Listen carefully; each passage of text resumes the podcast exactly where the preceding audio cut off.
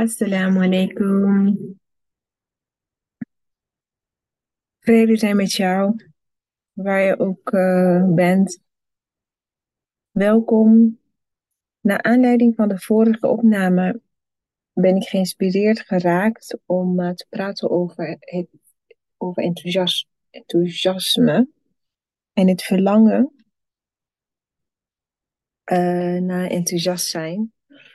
Want um, ik weet vanuit onze ervaringen van emigratie en verlangen naar periodes die mooi waren of plekken die perfect waren, waarin alles in balans uh, waren. En als ik praat vanuit mijn eigen ervaring, als kind in Burundi, zag ik hoe enthousiast mijn moeder, mijn tantes werden van het feit dat uh, de man, zeg maar, boodschap had gedaan en um, het eten voor die, voor die dag, zeg maar uh, had gezorgd. En de ene keer was uh, vlees, de andere keer was uh, vis. En afhankelijk van hoe de zee of de water was, um, hadden zij eten die dag. En de enthousiasme van, mij, van de dames die de boodschappen mochten ontvangen om het voor te bereiden, was altijd zo mooi om te zien hoe zij met elkaar dan in gesprek gingen over het eten en over alles. En dat, vind ik, dat vond ik wel een, uh, een stukje enthousiasme die wij missen hier in het Westen, um, hier in Nederland. Kijk, als ik naar de Lidl ga, weet ik gewoon. Daar is olie, daar, is, daar, daar vind ik uh, appels. Alles is zo goed geregeld en alles is. Uh... Nee, Rafik, die is van mij, ja? Tot straks. Wat dan die eentje van die patat? Rafik, ik kom eraan. Ja, ik had net even een bezoekje van mijn zoon. Die heeft al gegeten, maar wil nog meer eten. Um, maar um, ja, dus de enthousiasme en het feit dat jij zeg maar. Um, dus dat zie ik zeg maar hier bij de Lidl.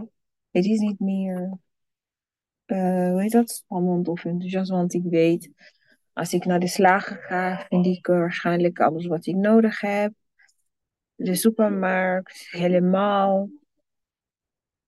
We zijn eigenlijk niet echt uh, seizoengebonden. Alhamdulillah, dat is een zegen. Maar je merkt wel dat het bepaalde dingen wegneemt.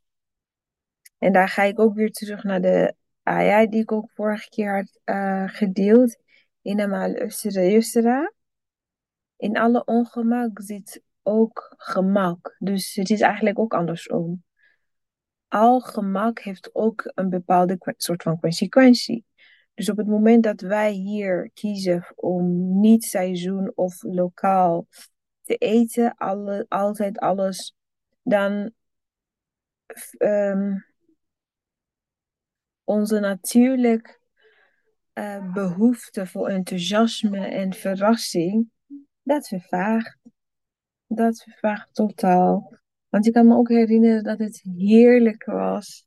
Dat het geweldig was om uh, al die fruitseizoenen in Afrika, bijvoorbeeld mango-seizoen was mijn favoriet.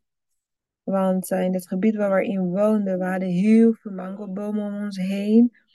Dus het was uh, ja, met tassen zeg maar, van huis. En dan kwam je terug met tassen vol mango's. En dat was een feest, dat was heerlijk.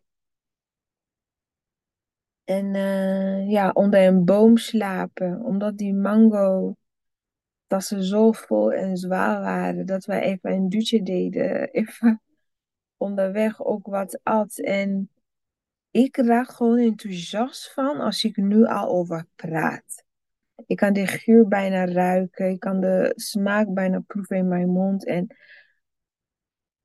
al die dingen worden, ja, soort van um, weggedrukt in deze samenleving.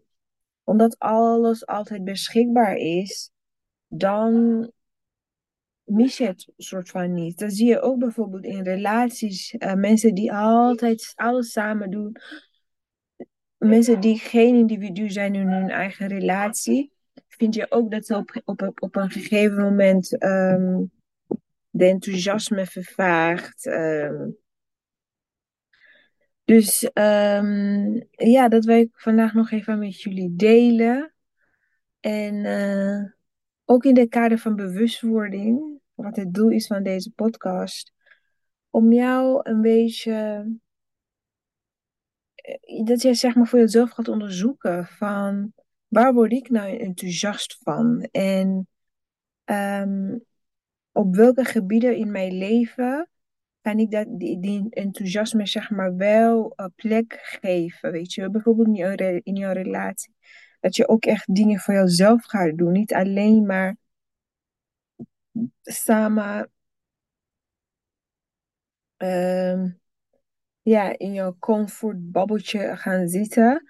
Want wat ik ook net zei, ehm, als we kijken naar die Aya, van op het moment dat je alleen maar kiest voor gemak, daar zijn ook bepaalde eh, consequenties aan verbonden. Weet je, op het moment dat je elke avond na het eten kiest om nog meer te gaan snacken voor de tv op de bank, heerlijk, ehm, al die entertainment ehm, die er voor jou zijn, eh, te bingen, ja, dan heb jij waarschijnlijk de consequentie dat jij op de lange termijn waarschijnlijk eh, eh, meer dan gewenst gaat wegen, of je lichaam gewoon niet fit zal zijn, omdat jij geen eh, tijd neemt om jouw spieren te, te trainen, om andere dingen, om andere ervaringen op te doen, om, ja, voor mij part kan je ook vrijwilligerswerk doen in je avonduren, twee, drie uurtjes. Er zijn genoeg mensen die maatjes zoeken of extra hulp nodig hebben, een uurtje van jouw tijd of twee uurtjes van jouw tijd ehm, per week eh, kan een wereld van verschil eh, zijn voor anderen. Dus ja, ik wil jou bij deze eh, stimuleren om te gaan nadenken van oké, wat maakt me eigenlijk nou enthousiast, weet je wel? Is het, ehm, is het inderdaad anderen helpen? Wat ik zeg, genoeg maatjesprojecten. Is het inderdaad dingen eh, creatief bezig zijn? Ga lekker creatief bezig zijn. Is het ehm, even gewoon een wandeling maken na het eten in de avond?